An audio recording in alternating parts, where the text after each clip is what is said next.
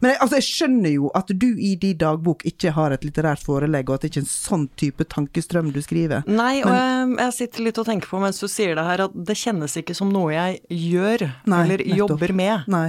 Det bare er, eh, er som å tenke.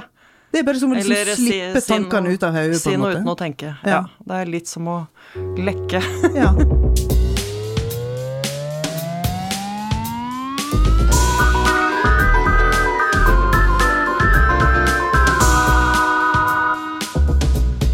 Velkommen til en ny sesong med Olaug og Aubert på Litteraturhuset.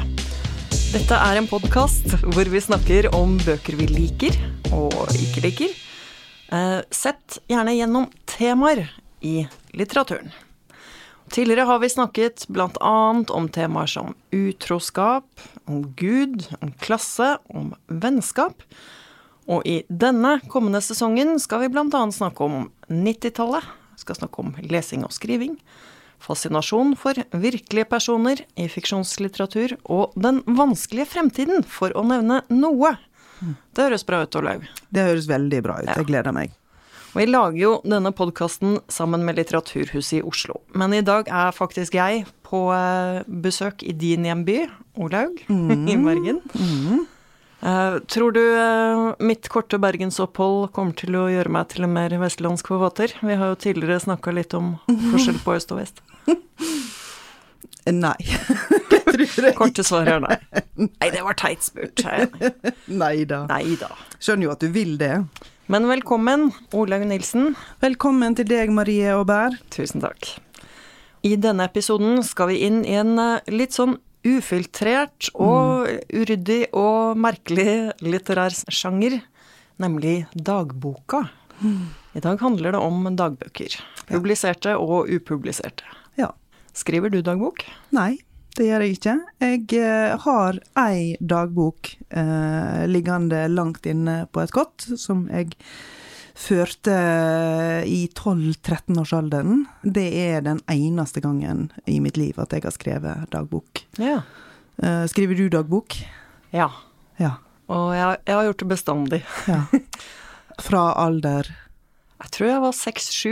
seks-sju år. Var det liksom Eller seks-sju-åtte, noe sånt noe. Ja, like etter du hadde lært deg å skrive, da? Mm, Ja, det Ja. må ha vært det. Ja. Den eh, første jeg hadde, var en sånn liten bok med blomster. Ja. Og den har jeg ennå. Jeg har alle dagbøkene. Ja, nettopp. Men, det, men det er sånn fra da av eh, til nå, mer eller mindre kontinuerlig. Men er alle bøkene sånne fine med blomster på utsida, eller er det noen kladdebøker og sånt òg? Moleskin, er det Moleskin? Noen er Moleskin. ja. I en periode kjøpte jeg bare fra Ordning og Reda, som okay. spiralrygg, Mm. i knallfarger. De var jeg veldig glad i. Mm. Det, det er noen kriterier. Det, Ja. det må være ulinjert, har jeg funnet ut. Ok. Og så må de ha stive permer. Hvorfor må det være ulinjert? Nei, det bare er sånn. Ok, skjønner. Ja. ja, for du skriver jo for hånd. Ja, Ja. dette er for hånd. Men gjemmer du deg for kjæresten din? Litt, men Ja. uh, han uh, jeg, jeg stoler heldigvis uh, på at han ikke går og snoker i de. Ja. Han har sagt et eller annet om at det er litt oppskriften på trøbbel å begynne å lese andres dagbøker. Det vil jeg jo tro, men, men jeg skjønner egentlig ikke helt hvorfor noen vil skrive dagbok. Nei. Hvorfor skriver du dagbok? Altså, det er Nei, hva skal jeg si? Jeg tror det bare er en liksom måte å tenke på. Eller eh, Det ligner mindre på eh, å produsere skjønnlitteratur enn det bare ligner på å tenke, for min del. Eller å snakke med noen. Ja. Det er ikke retta mot noen. Nei, det er, ikke, det er retta mot deg sjøl, da. Men, men, er det da eh, Eller mot deg sjøl. Det er jo Ja, retta mot knapt, nok det. Ja, men hva er vitsen da? For da kan du jo likevel like gjerne bare tenke. Nei, ikke helt likevel. Nei. Det er jo ingen god forklaring på hvorfor jeg gjør det. Nei. Men jeg veit at jeg har behov for det. Ja. Men er det en slags automatskrift, da? Altså øh... Varierer litt. Ja. Av og til kjennes det bare som det er for å strukturere litt øh, hvordan man tenker. Ja. Eller øh, Ja. av og til for å bare nedtegne eller bearbeide et eller annet som Mm, eh, foregår. ja. Det, det er veldig sjelden sånn at jeg skriver ned ting for at dette må jeg huske, på en måte. Eh, Det står veldig sjelden noe om været. Det står veldig sjelden noe om sånne ytre forhold eller om verden. Av, av og til har jeg følt at jeg må ta med verdensbegivenhet for syns skyld. For jeg, tenker jeg kan ikke ha det på meg at jeg aldri, aldri Nei, du, nei, du kan ikke ha det på deg, men det jo øh, Men du tenker jo ikke at du skriver til noen, så det, det er jo overfor deg sjøl, Ja, det, det En forstillelse overfor deg Ja, selv. er en Ja. forstillelse overfor meg sjøl. Men, øh, men, øh, men når skriver du? Er det liksom på slutten av dagen? Når dagen er omme og du skal gå i ditt lønnkammer? Ja. ja, ofte er det nok det. Ja. Sånn eh, på slutten av en dag. Litt sånn eh, som å lese litt, eller bare roe seg litt ned før man skal sove. Ja. Ja, men er det da sånn, eh, hvis du for eksempel, og nå, nå, nå spekulerer jeg da, men nå ser jeg liksom for meg at du eh, sitter på Bybanen eh, fra Flesland når du kommer til Bergen, og så har du noen ting du har lyst til å skrive i dagboka, og så skriver du det inn på mobilen, og så kommer du på hotellet om kvelden og fører det inn i dagboka, er det sånn? Nei, det er det i grunnen ikke. Det, det er mer sånt der og da ja. øyeblikksbilde. Mm. Eh, Men jeg har ulike typer notatbøker. Ja. Jeg har noen som er sånn eh, som jeg kan rable litt i. Lage lister, eh, skrive litt sånn skjønnlitterære notater. eh, Mm, mm. eh, Tegne liksom hvis jeg kom på et eller annet minne som hadde vært gøy å kanskje bruke til bok eller et eller annet. ja. Men det er ikke det samme som dagboka. Nei, Som, som har datoer og liksom Ja, ja, ja. bare sånn Ja, jeg skjønner. Ja. Men um, må det være for hånd, eller kan du skrive på, på PC? Jeg kan skrive på PC også, men det er noe annet. Jeg har Ja, ikke en ja. sånn løpende et løpende dokument på PC-en med masse kronologi Nei, der, nei. som jeg blar tilbake i. Jeg skjønner. Men det, det viktige spørsmålet nå er hva står det i dagbøkene dine, Marie? Nei, det får du aldri. det, for meg er det nok eh, alt mulig av eh, ting som skjer i livet, eller som jeg tenker på, eller eh, Mm. fabler om, eller eh, har lyst til, Mm. eller kjenner på, eller Ja. Mm, mm. Men der vil du nok antagelig få helt ulike svar ut fra hvem du spør, tenker jeg. Ja. Eh, farmor eh, husker jeg fortalte at hun eh, fant dagbøkene til farfar etter at han var død. Ja. Og hadde kikka i, i en bare for å se hva det var. Og, og hun sa at det var bare været og hva de hadde spist til middag. Ikke sant. Nettopp. Ja. Ingenting Ja, der, ja, ja. liksom. Men det er jo litt sånn som noen skriver på Det er jo litt sånn forskjell på hvordan folk bruker sosiale medier òg, ikke sant. Mm. Altså sånn som noen eh, legger ut bilder av middagen sin, og eh, andre har eh, lange utgreiinger om et eller annet. Eh, jeg skriver altså ikke dagbok, altså bortsett fra den ene dagboka jeg skrev eh, for eh, ja, 30 år siden. Da. Og jeg husker lite fra den, men jeg husker at jeg skrev i den dagboka etter at jeg hadde vært på gudstjeneste på langfredag og eh, hørt lidelseshistorien til Jesus Ja. opplest. Så skrev jeg om det i dagboka, og så skrev jeg et utbrudd. Så stygge de var med Jesus. Å, det er fint! Sånn eh, Men det er ikke- indignert tolv år. Ja, ja, ja. Veldig, veldig de utbrudd, da. Ja. Men Det er mye tror utbrudd og mye ufiltrert. Ja, er det det i din dager? Ja, ja, ja. Masse Og- utropstegn og Ja, kommer helt an på. Ja. Det er jo typisk litt sånn sted å skrive når man er litt sur. ja eller skjønner. eh, ja. et eller annet. ja, ja, ja, så det er en del sånne vonde følelser, da. Ja, det er det nok. Ja, ja, akkurat. Ikke så masse lykke og glede og Kan være det, ja. Det kan være det òg. Ok, ja. Skjønner. Men, Men, du men poenget er at det skal, eh, eller for meg er det det som må være litt sånn ufiltrert, og som jeg er veldig ja. sikker på at ingen andre kan lese det. du Nei, nettopp. Nei. Men når du snakker om det nå, syns du det er risikabelt å snakke om det? Ja, litt. Ja, skjønner. det litt Det sånn. blir jo sikkert litt mer interessant for kjæresten din når han hører på denne episoden at liksom hm, Kanskje jeg skal gå og finne de der dagbøkene til Marie. Ikke gjør det, Espen. Men for jeg tenker litt sånn at det der å formulere Altså, for når du snakker om dette på en sånn måte at det er tankene, sant, altså at det er tankene som må struktureres. Jeg tror at eh, jeg syns at det er for masse arbeid og, og styr med å skrive ned hva en tenker, for dette tankene er jo så Det er jo en strøm og, og, og Altså Virginia Woolf må jo ha hatt et enormt arbeid med å lage tankestrømsmonologer i sine bøker. Og det samme hvis du skal skrive litterært en drøm. Sant? Altså, det er jo et kjempearbeid å få det til å framstå som tankestrømmen. Ja. Men jeg, altså, jeg skjønner jo at du i din dagbok ikke har et litterært forelegg, og at det ikke er en sånn type tankestrøm du skriver. Nei, og jeg, jeg sitter litt og tenker på mens du sier det her, at det kjennes ikke som noe jeg gjør Nei, eller nettopp. jobber med. Nei. Det bare er, eh, er som å tenke. Det er bare som å liksom Eller slippe si tankene noe- ut av hodet, på Si en noe uten å tenke. Ja. Ja. Det er litt som å lekke. Ja, ja, men det er helt det er. Nei, jeg, jeg- bare føler Det føles helt unødvendig. Det føles Ja. som bortkasta tid. Det er så utrolig. Men altså, du kan bruke tida di akkurat som du vil. Tenk hvor mye tid du har kastet bort. Nei, men, men for jeg har det nok litt sånn at jeg eh, forestiller meg et publikum når jeg skriver, uansett, da, på Ja, en måte. Mm. Og ikke nødvendigvis at alt jeg skriver eh, når jeg jobber med skjønnlitteratur, f.eks., så er det jo en del som blir klippa vekk og kasta. Det er jo Mm. ikke alt jeg skriver som skal nå et publikum. Men jeg tror nok at jeg likevel har en sånn tanke om at når jeg skriver noe, så er det noe fra en avsender til en mottaker. Altså hvor bevisst den tanken er, men at det ligger der, da. Ja, sant? Og jeg bruker sosiale medier mye, og jeg skal jo ikke si at jeg skriver ned absolutt alt jeg tenker i sosiale medier, men i en periode så er jeg ikke så langt ifra. så det, jeg kan jo være litt sånn derre uh, Ja.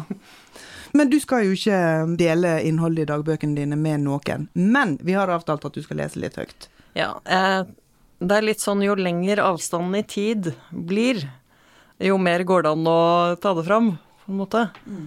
jeg var en gang med på et arrangement som het Det vi skrev som barn, hvor jeg hadde med dagboka mi fra jeg var sånn 12-13. Og det er sånn indrefileten av pinlighet. Ja. Og det, det var nesten litt eh, Jeg følte det var nesten litt sånn over grensa, på en måte. Eh, For på en måte var det forferdelig gøy. For jeg, jeg var så liksom pompøs eh, og, eh, og sånn høystemt i stilen da jeg var Ja, sånn 12-13, Ja, for da ja, ja, leste jeg masse ja. klassikere. Og ville gjerne være litt sånn forfatteraktig i, i språket. Så det var jo forferdelig morsomt. Og så føles det litt sånn som jeg bare går og river dagboka ut av hånda på den der litt sånn følsomme tolvåringen også, ikke sant, og leser den høyt. Du er ikke tru mot din indre tolvåring. Nei, ikke sant. Du sviker din indre tolvåring. Dette tror jeg er noe av det aller første jeg har eh, skrevet. Det er eh, lørdag 16. mai 1986. Så da var jeg vel nesten sju år. Og der står det Merkelig er det at jeg ikke brydde meg om dagboka før. Jeg vil skaffe meg en skikkelig hemmelighet. Og så dagen etter så står det Hei, dagbok. I dag var 17. mai. Har dessverre ikke fått skaffet meg hemmelighet ennå. Så jeg var jo tydelig litt sånn at man måtte ha hemmeligheter for å ha noe å skrive om i dagboka. Ja. Det syns jeg er fint. Hilsen meg, står det. Mm. Og så fant jeg også et eh, utdrag eh, som er, er litt seinere. Da tror jeg er sånn eh, kanskje åtte-ni. I dag var jeg på kino. Sammen med klassen så jeg Lady og landstrykeren i Oslo. Det var en fin film. Helt nydelig. Etter at vi hadde sett det, gikk vi oppover Karl Johans gate. Det er en allé med syrener på hver side. Så her forklarer jeg hva Karl Johan er. På den andre siden av alleen er det en hage. Her tror jeg at jeg mener Slottsparken. Jeg er ikke helt sikker. Ja. Da vi gikk forbi, satt det to politimenn i sivil inne i buskene. Og inne i hagen satt en gjeng med narkomane. Jeg ble nesten redd, men det var spennende også. Øverst i Karl Johans gate ligger Slottet. Dit gikk vi. Og i et av vinduene så vi kronprinsen. Nei! Vi vinket, men han så oss ikke. Det kan umulig stemme. Nei, tror jeg er ikke sikker på om noen av, noe av dette jeg har sett eh, er sant. Nei. Ikke sikker på om det er narkomane inne i buskene eller noe sånt. Det kan hende du bare dikta opp eh, Nei, jeg, jeg trodde eller- sikkert det var sånn. Ja, ikke Ja, sant? jeg tipper jeg trodde det var sånn, og at vi Ja. trodde vi hadde sett kronprinsen og sånt. Ja. Og så avsluttes det med 'Jeg leser om ei jente fra 1800-tallet'. Da hadde de flotte kjoler. Det er veldig søtt. Ja, ja. Men altså, ville du gitt ut uh, Kunne du tenke deg å gi ut dette? Nei, aldri, aldri i verden. Det, det er en annen type skrift. Og det, det, fungerer for meg bare fordi det ikke er noen som leser. Det, det, er litt sånn Hvis jeg skulle skrevet med publikum, så hadde hele funksjonen vært borte, mm. på en måte. Mm. Da, da hadde det bikka over til å være noe annet. Ja, rett og slett. Så, så, jeg er mer inne på tanken om å få alt sammen destruert eh, når jeg er død, eller finne en måte å gjøre dette på.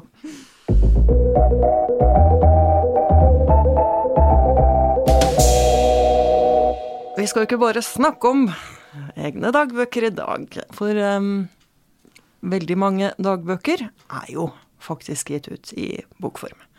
Og mange forfatteres dagbøker er blitt kjente og viktige utgivelser. Kan jo nevne i fleng Kafka, Virginia Woolf, eh, Lars Norén f.eks., Olav H. Hauge, Komprowitz, eh, Anai Nin og mange, mange andre. Og de siste månedene har jo vi også lest noen dagbøker av eh, nyere dato, mm. som vi skal snakke litt ekstra om i dag.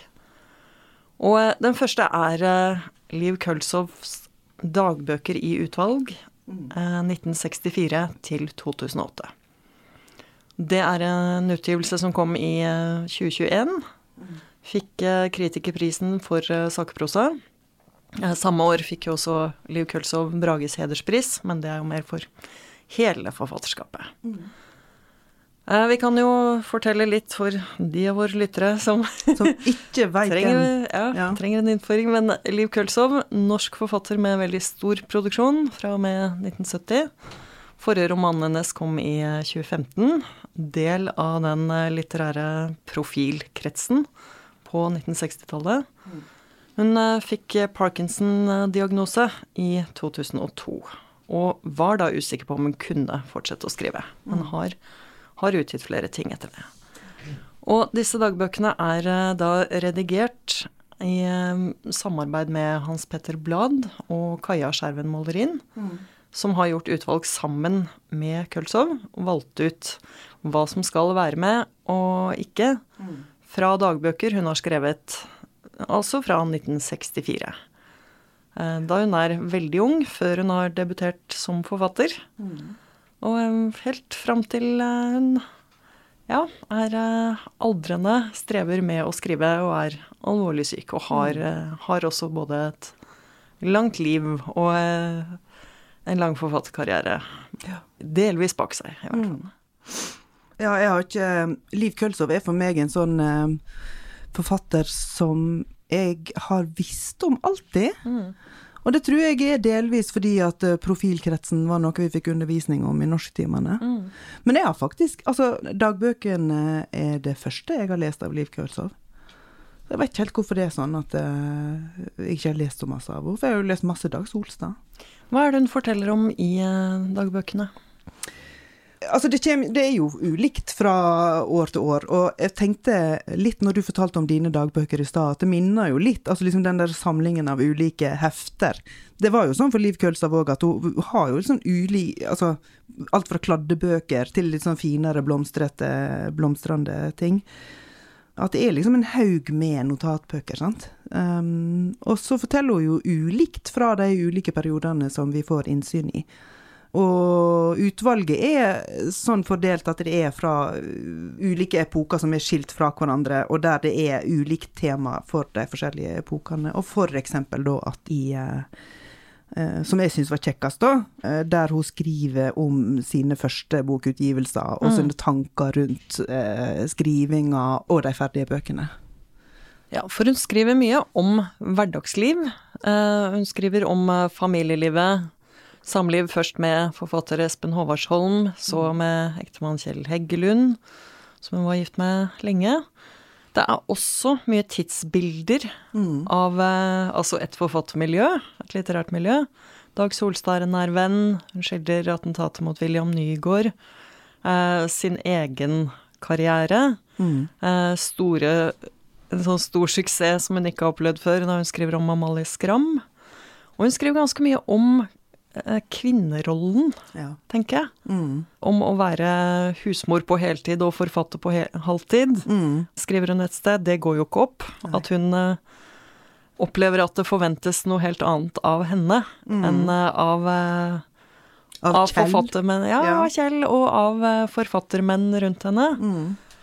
At hun må gjøre begge deler. Det er liksom frustrasjon over å smøre matpakker og få eh, all oppvasken. Det er lite plass Hun opplever at det er lite plass til henne som skapende menneske i perioder, da. Mm. Mm. Men, eh, og det er sånn eh, skildringer av feriesteder og av eh, husjakt, eh, eller jeg kjente meg veldig igjen i det ja, der. ja, ja. Hun skrev om at nå å ikke klare å få kjøpt seg det der eh, nye stedet å bo. ja, nettopp. Fordi man opplever seg som litt handlingslammet. Det, det var mange sånne ting jeg tenkte ah, dette kjenner jeg meg igjen i. Ja, og jeg, det er mange ting å si om måten denne boka er på. Men én ting, det her med kvinnerollen. Eh, for når jeg sier at liksom, ja, jeg har jo lest masse av Dag Solstad, men ingenting av Liv Køltzow. Det er jo litt betegnende, sant, altså for hvordan gjennomslaget til de ulike forfatterne i profilkretsen har vært. Og det er jo selvfølgelig tidas melodi, så jeg har ikke liksom tenkt å si alle menn i profilkretsen var noen rasshøl, det var de selvfølgelig ikke. Men det der at det er hun som går og kjenner på det at hun ikke får det der eget rommet til skrivinga. At hun må smøre de matpakkene. At, det er, at de forventningene til hun om, ja, om å være husmor, eller en slags husmor, mor og husmor, at de er sterkere. Det er og, og jeg tror jo at dette her er et evig aktuelt spørsmål for skrivende kvinner, først og fremst, altså. Men òg etter hvert mer for skrivende menn. Selvfølgelig. For jeg tror òg at det handler om eh, det, det setter i hvert fall i gang en del tanker hos meg om det der at det frie yrket det åpner òg for en del muligheter til å gjøre unna en del av husarbeidet før, før, før ektefellen kommer hjem, og så skal du jo egentlig skrive. At den der eh, friheten er litt eh, dobb... Altså, den har sine slagsider, da. Ja. Altså, jeg liker disse dagbøkene kjempegodt. Ja. Og eh, jeg tror det jeg liker best, er at Særlig at hun skriver så veldig sånn eh, ufiltrert og Ja. interessant om å skrive. ja, helt enig. Det, de refleksjonene hennes rundt hva hun ønsker å skrive, hvordan problemene med det, Mm. det syns jeg er så bra. Ja, det syns jeg òg. Og så er det òg formulert Det er formulert med masse utropstegn, Ja, ja, ja. Og, og veldig sånne der inderlige utrop om skrivinga og, og om eh, hva hun vil med det, hva hun vil få til, og òg når hun ikke får det til. Sant? At det er litt sånn Og det er veldig gjenkjennelig.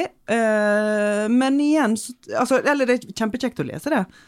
Men jeg tenker at liksom, selv om jeg kjenner meg igjennom i det og syns at det er tanker jeg sjøl kan tenke, hva er vitsen med å skrive det ned? Jo, vitsen er jo at vi to kan sitte og lese det senere og kose oss med det. sant? Nei, altså- men hun trenger det. Hun, Ja. eh, hun bearbeider det Ja. på en eller annen måte. Ikke sant? mm, Det er jo ikke for at noen andre trenger det. Nei. Men eh, det er jo sånn der eh, Jeg sendte jo bilder av sitater og sånn til mm, deg og til andre mens jeg leste her, for det er jo så mye du Det er så mye som er så slående. Ja. Hvor hun f.eks. skriver om eh, Ok, her blir jeg jo også avslørt for uh, i den uh, prosessen jeg holder på med. To-tre års depressiv ruging og stillestående lammelse i forbindelse med et prosjekt. Så lappe sammen noen greier i full fart og late som om det ligger en eneste tanke bak måten det gjøres på. det er kjempeflott. ja, det er veldig fint. Også et annet sted så skriver hun eh, noe om at uh, hun har lest sine egne bøker igjen. Og skriver sånn Jeg syns det er strålende. Ja. Og liksom Det er treffende, og det er eh, Nei, det er skikkelig bra. Og, så, og skriver til seg selv at eh, det, er, det er jo dumt å skrive sånn som det er, liksom. Men jeg synes det. Ja. og da blir jeg sånn Yes, Liv. Men jeg tror jo ikke at hun kan ha tenkt at noen skulle lese det. Nei. Altså, I skriveøyeblikket har jo ikke hun tenkt at dette skal publiseres. Nei, hun eh, skriver det til seg sjøl, eller for seg sjøl. Eller bare gjør det. det, det. Det er litt sånn jeg tenker på dagbokskriving, at det, det er bare noe jeg gjør. Jeg skal ikke noe med det. Nei, ikke sant. Og det er deilig med noe man ikke skal noe med. Ja, men, men så har de jo òg redigert det Ja. voldsomt. Sant? Altså, det er jo åpenbart at de har redigert det voldsomt. For eksempel så står det veldig lite om hennes barn. Ja. Ja. Uh, men hun er ganske Det står ganske direkte om samlivet med Kjell, og det er jo ikke alt som er fordelaktig for hans del der. Nei, Og, men det og ikke for hennes del heller, for så Nei. Men det er nok også mye som eh, ikke står, tenker jeg. Ja. Og det er eh, De redegjør eh, litt for dette i, i et intervju og et etterord, er det vel. Mm. Um, hvor det bl.a. kommer fram at personvern selvfølgelig har hatt betydning Ja. for måten den er redigert på. Mm. Både folk som lever og, og folk som har dødd. Som da ikke vil ha noen mulighet til å kunne komme med tilsvar eller Mm. Mm. fortelle sin versjon. Ja. Så det her er jo litt sånn eh, dilemmaer, tenker jeg, når du skal utgi noe som aldri var ment for offentlighet, Mm. for offentlighet. Ja. Det vil være andre mennesker berørt. Mm. Mm. Eh, Det vil være folk som ikke har bedt om å få være med i din, din fortelling. Så jeg tenker jo sånn, det er ikke alt som skal på trykk, og det er ikke alt du kan gjøre eh, i publiseringsform uten at det kommer på kant med et eller annet. Nei. Selv om du tar på deg den dagboksformen. Mm. Mm. Og det er jo noe vi også kommer inn på i eh, neste bok. Mm. Vi har Men kan jeg bare si en ting til om det med, Ja, med, med, med Liv Kuldsav og Mm. redigeringen? At du kan på en måte se at de hensynene er tatt. Ja. Og det føles trygt. Ja, det syns jeg òg. Du er føler helt ikke at du liksom er der for å snoke, sant. Altså, det, det er mer hvordan tenker hun, hvordan Altså, hva har hun tenkt om sitt liv og sin skriving? Ja, og så er det veldig um, Det blir jo Det vokser jo litt sånn fram én historie. Det er jo også litt det som skjer når du redigerer eh, dagbøker. Mm. At du, du styrer litt eh, på mange måter etter et narrativ. Ja. Eller å se en utvikling, da. Mm. Mm. Og eh, her er det jo i stor grad eh, historien om forfatteren Liv Kølsov vi leser. Ja, det Hvordan hun blir til, Ja. og eh, utvikler seg og um, blir stilt overfor veldig store utfordringer. mm. Som åpenbart som menneske, men også kanskje spesielt gjennom disse notatene ser vi også utfordringen hun får som forfatter. Ja Bra bok. Bra bok.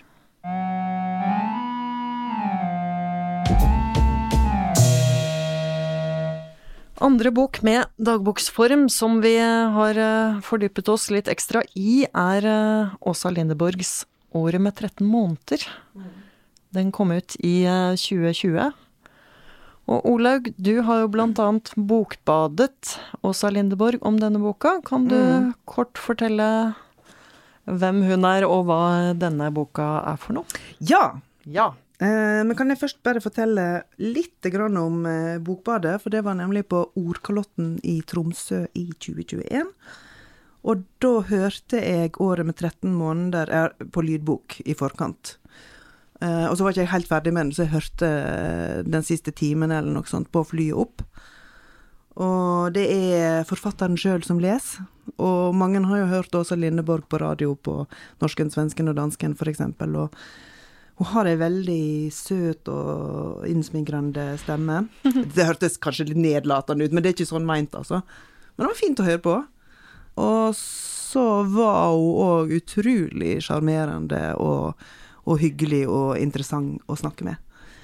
Men faktisk så hadde jeg grudd meg litt til det bokbadet, eh, fordi at boka blei sett på som ganske kontroversiell av en del fordi Åsa Lindeborg skriver i den boka Hun skriver jo om seg sjøl og sitt liv i et veldig tungt og vanskelig år, der eh, mannen går fra henne og eh, har vært utro, viser det seg, og der hun begynner å synes at hun sjøl ser gammel ut og er gammel og, og har masse kvaler rundt det, som selvfølgelig blir forsterka av at mannen går fra henne. Men det handler òg om, og kanskje mest, om metoo i Sverige. Og det har liksom blitt en sånn sannhet at metoo i Sverige, det var liksom så voldsomt eh, mye verre dekning, eh, mediedekning av metoo i Sverige enn noen annen plass. Fordi i Sverige så var det flere som gikk ut mot eh, og, og publiserte i sosiale medier om påståtte overgrep. Navngiving. Navngiving, ja. Og det eh, var Åsa Lindeborg kritisk til, og det skriver hun en del om i den boka. Men hun skriver òg om at hun sjøl eh, skrev en kronikk mot en eh, kulturmann, da, som var beskyldt for trakassering, både seksuell trakassering og annen type trakassering.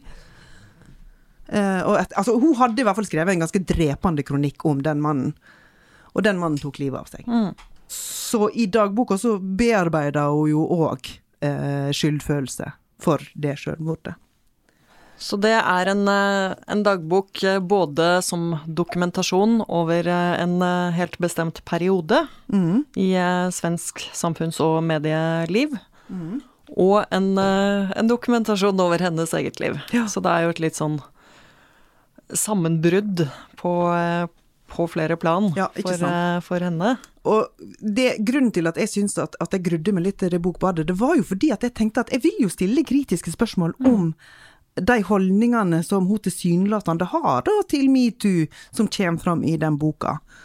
Uh, men samtidig så var det jo ei bok som jeg likte, og, og en del av det hun kritiserer eh, ved metoo, kan jeg jo på, på, en måte være enig i òg, sant. Altså fordi jeg, eh, Nå er ikke jeg like gammel som Åsa Lindeborg, men jeg òg er jo voksen dame som kanskje ikke syns at alt som blir rapportert om og trukket fram i forbindelse med metoo, er så alvorlig, da. Men, men så veit jo jeg likevel at altså jeg jo, Samtidig så er jeg jo enig i at dette er et strukturelt problem, og derfor må vi påpeke alle småting. Men i dagboka så hun skriver jo om Åsa, sant, som reagerer og blir irritert og sur. Gamle Åsa som har begynt å synes at hun sjøl er stygg. sant? Og når hun da i dagboka skriver at liksom, ja, disse her unge kvinnene som syns det er så ekkelt at menn ser på rumpa deres de kommer, altså, nå, nå, siterer jeg etter minnet. De kommer til å eh, savne det når de blir gamle. Og da er det jo et utbrudd, sant, på samme måte som hos Liv Kølsov, at liksom bare å, jeg føler meg stygg, jeg vil at noen skal se på rumpa mi. Altså at det er liksom litt sånn, da. Mm. Du tenker at det var noe som ikke var ment for å ettergås, eller uh... Ja, men altså at jeg kan skjønne den typen utbrudd, sant. Utbruddet. Ja. Eh, at, du, at, du, kan tenke det, og at du kan føle det. Men, men det er jo ikke relevant som kritikk av kvinner som eh, gir beskjed om å ha blitt trakassert. Nei. Og jeg, jeg både likte og ikke likte denne boka. For mm. Eh, jeg er til dels enig med noe dattera til Åsa Lindeborg sier til henne, at jeg syns du gir menn en helt annen slack ja. Du gir de altfor mye liksom Ja, men eh, han mente det jo ikke sånn, og mm. litt sånn. Mm. Og du gir aldri, liksom, hun sier du gir aldri kvinner liksom det rommet for tilgivelse eller forståelse. Mm. Der er du mm. knallhard, liksom. Ja, ikke sant. Eh, og det, og det syns jeg jo eh, også at jeg merker i hvordan hun omtaler eh, de konkrete sakene. Mm. Det jeg samtidig liker, er litt sånn eh, den der åpenheten. Mm. Og eh, at hun stiller seg så laglig til for hogg. Ja. Jeg føler at jeg inviteres i hvert fall til å være uenig. Ja. Det er en plass i denne skriften for at jeg mm. kan være uenig med den som skriver. Mm. Og det liker jeg. Ja. Men jeg tenker også sånn helt formmessig, for uh, vi har jo ikke plass til uh, å diskutere metoo i denne nei, episoden. Nei, nei. Men uh, det vi skal snakke om, er jo litt sånn selve dagboksformen hun tyr til her. Mm. For dette er jo også en redigert dagbok. Mm. Og det går jo fram etter hvert, eller hun skriver jo i et etterord, at hun har redigert av personvernhensyn, mm. selvfølgelig. Altså litt sånn samme folk som ikke har bedt om å få være med i i denne boka. Og redigert vekk litt sånn sladder som ikke hadde noe der å gjøre. Mm, mm. Blusekjøp og sånn som bare var kjedelig. Nå har vi noe blusekjøp, da. Nå har vi noe blusekjøp. det er noen silkebluser involvert. Ja, ja, ja. men, det, men, det, var altså enda flere. men eh, det jeg blir sittende å lure på, er jo litt sånn eh, hvor mye er faktisk mm. skrevet i den perioden mm. eh, dagboka foregår, og hvor mye er eh, tilrettelagt i etterkant. Mm. For det er jo nesten umulig å ettergå. Ja. Og hvordan former det da den gjenstående fortellingen? Mm. Ja, for jeg tenker at det er helt opplagt at den må være redigert. Mm. Ja, det synes jeg. Og for eksempel hvordan de to første dagboksnotatene er utforma. Der får du jo på en måte en sånn, hva heter det, eksposisjon, heter ikke det det? Mm. Altså der, der, alle de viktige temaene boka skal ta opp, er presentert. Og der det er en liksom sånn der, wow, rett på sak-begynnelse ja, ja. med at hun går i dusjen, og at det renner sæd ja. ned mellom beina, så liksom Hun har hatt sex med kjæresten sin. Ikke sant. Veldig sånn eh, det blir veldig en litterær fortelling ja, det er det. Ja. Men samtidig, så liksom, for du nevnte jo blusekjøper, mm. men, men, nesten hver dag har hun jo vært på middag med noen. Vi var 13 til bords, vi var 11 til bords, ja, ja. og det er liksom Ja, nå, nå, siterer jeg, for jeg har altså hørt lydbok. Um, Og det er jo en type sånn opplysning som, som får det til å høres ut som om det er skrevet ned der og da. Ja. Og akkurat de tingene er jo sikkert lett å skrive ned der og da. Hvor mange det var til bords for middagen. Men det der er jo noe jeg syns viser hvordan dagbøker som gis ut, er jo en veldig sånn hybridsjanger. Um, det kan alltid liksom tilrettelegges, eh, redigeres, skrives om i noen grad. Kan alltid formes et narrativ eh, på den ene eller den andre måten. Ja. Og det her var jo også noe hun fikk kritikk for. Altså den har fått mye god kritikk, boka. Den har også fått eh, innvendinger. Blant annet fordi du gjør deg jo litt sånn uangripelig gjennom en dagboksjanger. Ja. At eh, fordi det handler så mye om følelser, så blir det også litt umulig å argumentere mot, for det er jo mine følelser, ikke sant. Og jeg leste jo en anmelder i Sverige som mente at hun framstilte seg som mer kritisk på vegne av presseetikken og rettssikkerheten enn hvordan hun faktisk opptrådte da det sto på. Og Cecilie Asker eh, i Aftenposten pekte også på det, at eh, dagboksjangeren har den fordelen at du kan eh, brette ut litt sånn tvil, nyanser, eh, Mm, mm. personlige refleksjoner på den ene på den annen side. Men på den andre siden så er det eh, Hun skriver at på den andre siden er sjangeren en effektiv måte å unngå det prinsipielle og profesjonelle journalistiske ansvaret på. Mm, mm. For fokuset blir på hvordan hadde du det, Ja. liksom. Ja. Og skriver at hun skulle gjerne hørt mer om eh, sånn hva slags press blir hun eventuelt utsatt for. Mm, Eh, hvordan foregår de her eh, profesjonelle diskusjonene? mm. Eh, så det at det blir et litt sånn partsinnlegg som ikke er et partsinnlegg, nesten, da. Mm. Fordi du har hele tida deg selv så synlig. ja. Og det er jo en sånn ting som kan være litt sånn tveegget sverd, tenker jeg, ved en eh, dagboksutgivelse. At det Mm. blir en sånn ja, men dette er min sannhet. Ja. Særlig hvis du uttaler deg i en kontroversiell sak. Mm. Men jeg liker den godt, altså. For Mm. det er jo òg Åsa Lindeborg er kultur... Nei, hun er ikke lenger kulturredaktør i Aftonbladet, men det var hun jo eh, da den boka er skrevet fram. Men hun skriver jo fremdeles for Aftonbladet. Hun skriver fast i Klassekampen. eh, og er med i Norsken, Svensken og Dansken. Og hun har tidligere gitt ut ei bok som heter 'Meg eier ingen', der hun skriver om sin egen oppvekst med en far som ikke egentlig tok seg så godt av henne. Men Kjempefin bok. ja. Men noe av det som hun er opptatt av, og som hun er alltid opptatt av, det er jo sin egen venstresidetilknytning. Og sitt politiske syn, da, sant. Så når hun i denne boka, 'Året med 13 måneder', skriver om metoo, men så analyserer hun egentlig altså sitt forhold til metoo og sin oppfatning av metoo litt i, i lys av sitt politiske syn, og i lys av forholdet til sin egen far. Og det er jo kjempeinteressant. Ja, det er det. Og jeg liker at her gir jo den dagboksformen en mulighet for å gå i Ja. dialog med seg sjøl, og gå i rette med seg sjøl. Mm. Og det opplever jeg at hun gjør. Og, og det er jo det der med de der blusekjøpene, for det er jo et poeng at de der blusekjøpene skal være med. Ja. For plutselig har hun råd til disse rådyre blusene, men hun kjøper dem hver gang med skam. Ja. Det òg er jo eh, Ja, det er interessant.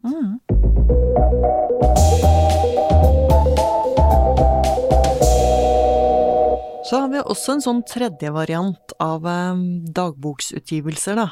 Og det Per Petterson Smith Abruzzo leste jeg i sommer. Mhm. Og det er en sånn annen variant igjen. Viser jo igjen at denne dagboksjangeren er veldig svær. Eller eh, det rommer ganske mye ulike tilnærminger. Ja. Og ulike tilnærminger til redigering og til eh, ærlighet, eller hva man skal si. Mm. Eh, Men, eh, men det er en bok som ble skrevet med tanke på å bli lest. Altså han eh, førte mm, kaller det journal i et halvt år under eh, korona og isolasjon. Skriver hver dag. Skriver mye om sin egen skrivesperre og forsøket på å skrive andre ting. Men det å føre journal og dagbok, det, gjør, det virker forløsende. Og det gjør at han får skrevet utrolig mye. Og jeg leste en sånn eh, fin artikkel om eh, dagboksjangeren av Tor Eistein Øverås i Vinduet, hvor han skrev om eh, dagboksformen, og trakk inn denne boka også. hvor han refererer da noe Per Petterson skriver om at det er viktig å ikke manipulere. Det har vært forutsetningen. Altså her snakker han om, om dette arbeidet med å skrive en dagbok, da. Begynner jeg å komponere, skrive inn ting for å fikse, for liksom å skulle gjøre teksten mer dramatisk, mer interessant, er jeg ute å kjøre. Da kan jeg jo gjøre hva som helst og gjøre det hele om til fiksjon. Hvilket er bråstopp. Mm. Mm. Så eh, vi får liksom tilgang til eh, hans hverdagsliv. Han skriver mye om dyr. Han skriver mye om eh, minner, om eh, venner, om eh, familie. Altså, han mistet mange familiemedlemmer i Scandinavian Star-ulykken, f.eks. Det kommer veldig til syne. Mm. Uh, forfatterlivet er også veldig synlig. Altså eh, utgivelser som skal ut der uh, i det og det landet.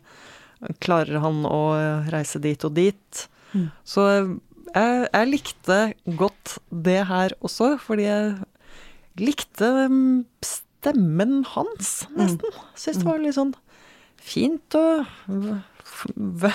være litt sånn sammen med Per Petterson Ja, fra dag til dag. Og grunnen til at jeg ikke nå sier noe om hva jeg syns om boka, er fordi at jeg har ikke lest den. Det er i orden. Mm. Men uh, en ting jeg syns var interessant i det Tor Eistein Øvreås skrev, er at han mener jo at denne ærlighetskontrakten Mm. uh, som Per Petterson her skisserer opp, da, er at den er ikke mulig å tro på, mener han. Akkurat. For eh, Per Petterson skriver jo for et publikum her. Han vet at han skriver for et publikum. Mm. Og um, Øverås trekker fram at han skriver jo ikke ufordelaktig om folk rundt han.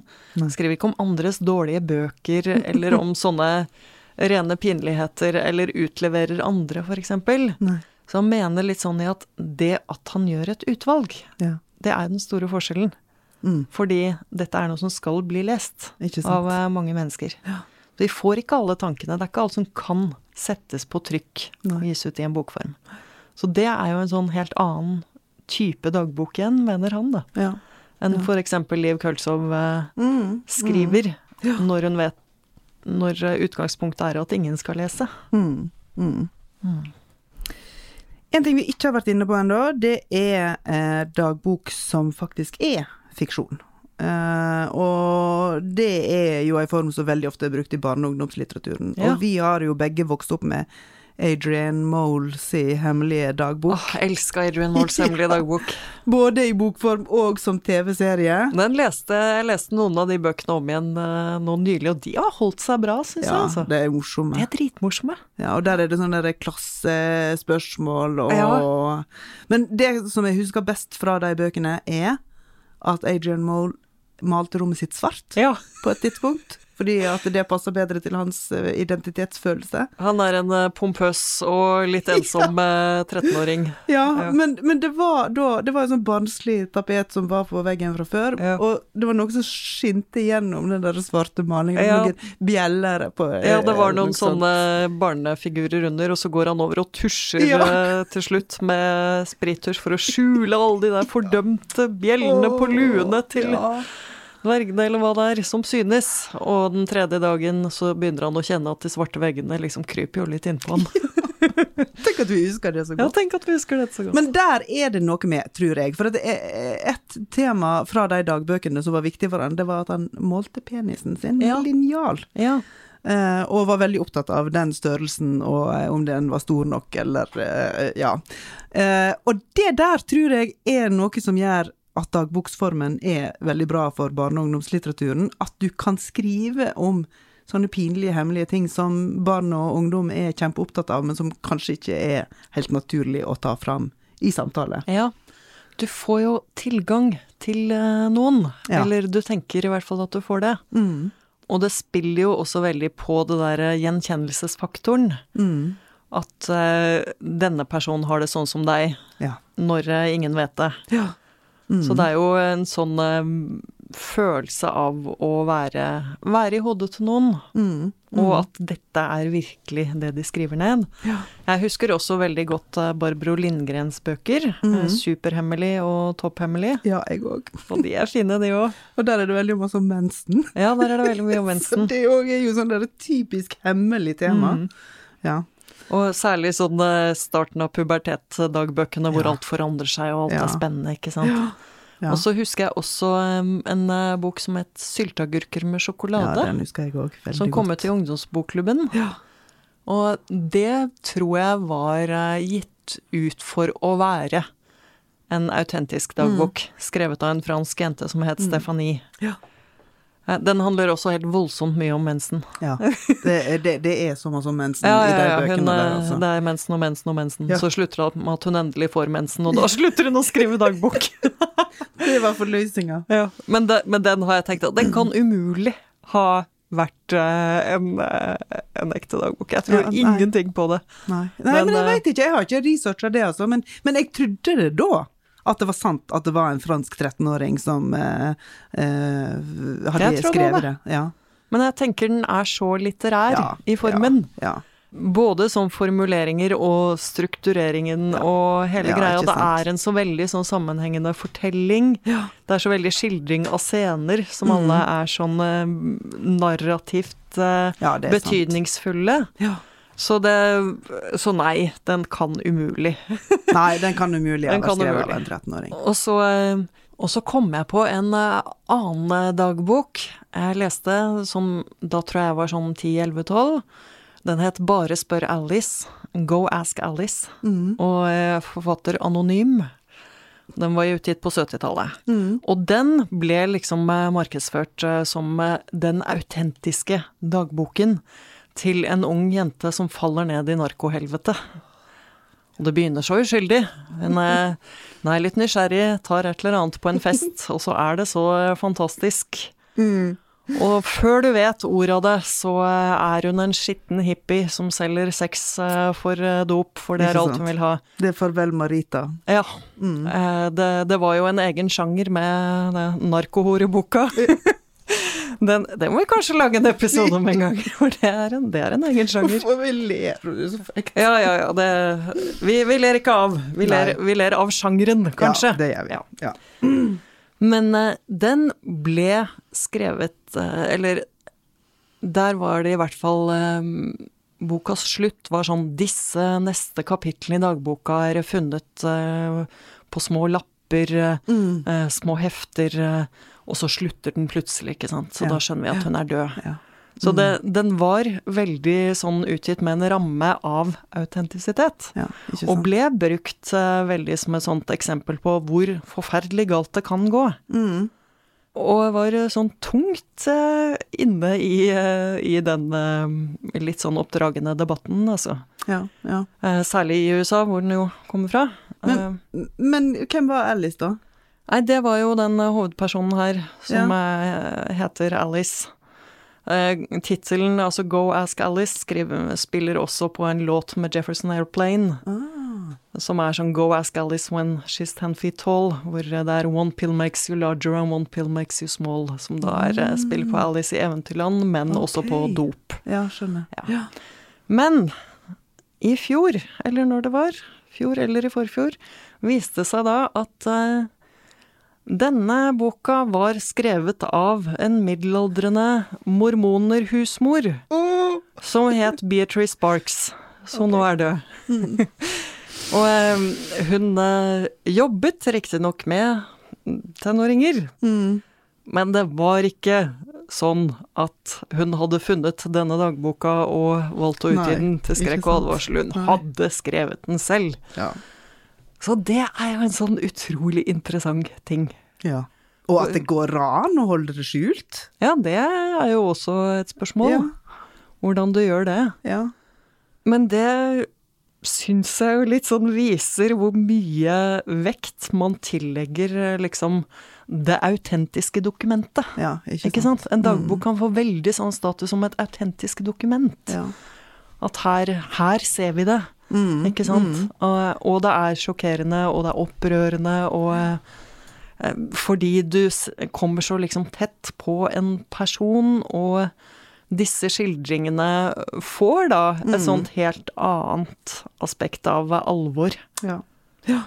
At det er ekte, at det er sant. Og når Mm. den kontrakten eh, faller, så er det jo ingenting igjen, Nei, liksom. Da det Nei, jo altså, du, du, og, og bare den opplysningen at hun var mormoner, er jo på en måte Ja, det er jo Da er alt ødelagt.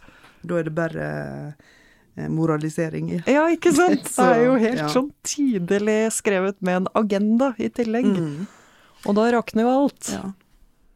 Men eh, eh, det her var jo da skrevet av en voksen. Mm. Eh, men noen eh, barn og unge eh, skriver jo da dagbok på ekte. Ja. Eh, men tror du at det var vanligere når vi var små, enn nå? At barn og ungdom skriver dagbok? Jeg ville jo på en måte nesten tippe omvendt. Mm. For eh, barn og ungdom i dag eh, leser kanskje mye mindre enn det vi gjorde. Mm. Eller statistikk viser jo det, Ja. at uh, lesinga går ned. Men samtidig så tror jeg de skriver ganske mye mer sånn til hverandre og i meldinger og Ja. uh, i dokumentasjonen. Mm. Kanskje mye mer. Ja. For um, du kan jo gjerne se på altså blogging, Instagram, dokumentasjon, jeg har noe å dele med dere, Mm. alt det der, Ja. som en eh, litt sånn form eh, for eh, journaling Ja. eller dagboksføring. Ja. Altså forskjellen er jo at det er retta mot et publikum, Mm. at noen skal lese det. At du litt sånn redigerer ditt eget liv, da, Mm. for å framstå på en bestemt måte. gjerne. Mm. Mm. Men det trenger jo ikke nødvendigvis være retta mot så mange mennesker. Nei. Så det kommer jo, det kommer jo antagelig til å være en mye mer skrift etter den generasjonen enn Ja, ja det er sant. barn i vår ungdom i vår oppvekst, vil jeg tro. Men ikke automatskrift. Ikke automatskrift. Selv om det kan virke litt sånn av og til. Ja. Men jeg har lyst til å bare nevne, før vi Mhm. avslutter, så har jeg lyst til å nevne Pål Pål Norheim, Ja. eh, som eh, debuterte som forfatter med ei fiktiv dagbok, Mm. som heter Gottfried von ba Baders dagbok. Og den eh, er ei lita, tynn bok som er skrevet på en sånn slags norsk-dansk, så det skal liksom være autentisk, da Mm. fra Ja. Men det som er interessant med dette, er at seinere Han hadde liksom voldsom skrivesperre og skrev ikke noe særlig. Men Pål Norheim var en sånn fyr som skrev en del essays og skrev om litteratur. Han var en veldig sånn eh, ja, litteraturfyr. Og han fikk ei voldsom forløsning når han begynte å skrive på Facebook. ja. Og det er liksom så snålt, fordi at han var jo på en måte Eller snålt er det jo kanskje ikke, men men, men da det eh, foregikk, da, så var vel mellom eh, 2010 og, og 2020, så det var liksom så, så det rant ut av ham. Han skrev så masse. Lange eh, esaistiske oppdateringer om alt mulig, både politiske saker og helt sånn eh, mer sånn personlig litterære betraktninger. Og han var en kjempepopulær Facebook-fyr. Og blei sett på som en sånn fyr som var liksom sånn litt moderat, og ikke, Mm. ikke rauk ut i sånne voldsomme polariserte diskusjoner, men, men holdt liksom en rolig og, og, og saklig tone hele tida.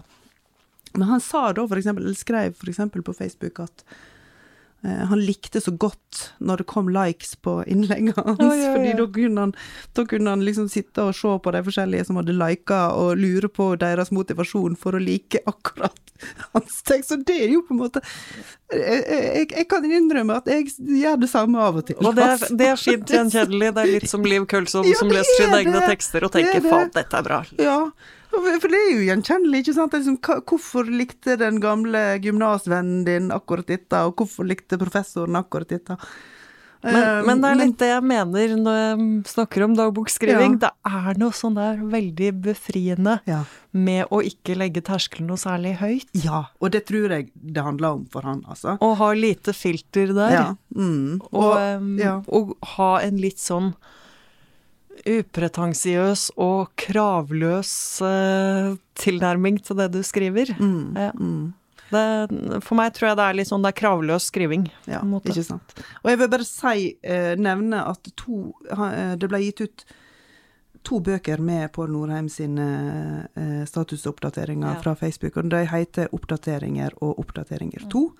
Oppdateringer ble nominert til Brageprisen det året den kom ut, Og oppdateringer 2 ble gitt ut år eh, etter eh, Pål Norheim sin død. Ja. Pål Norheim. Liker Pål Norheim. Ja. Og det er kanskje et fint sted å slutte dagens episode. Der, Ja, eh, men kan ikke du lese litt mer? Kan ikke vi heller slutte med at du leser Oi, oi, oi, enda litt mer fra dagbøkene dine? Ok, da skal Kan ikke du lese det du skrev i går, for eksempel? Nei, er du gal? Her Det må lang avstand i tid Ja. til. Jeg kan finne noe fra da jeg var eh, ti år, er jeg vel der. 25. mars 1989 så skriver jeg det er oppdaget to hull i ozonlaget. Ett over polområdet og ett over Russland. Av og til lurer jeg på om det finnes andre jordkloder i kosmos. Jeg lurer på hvordan det kommer til å gå med jorda. Kommer forurensningen til å bli stoppet? Eller kommer vi til å forurense til alt livet på jorda dør? Åh, Åh, ja. og jeg har ikke noe bedre svar å gi i dag. Mange år senere. Nei. Og det er ikke noe å le av, men du var så søt, Marie. Jeg var søt. Takk for eh, at du kom til Bergen, Marie. Det var da så lite. Tusen takk for i dag. Takk for i Syns dag. jeg ble gøy.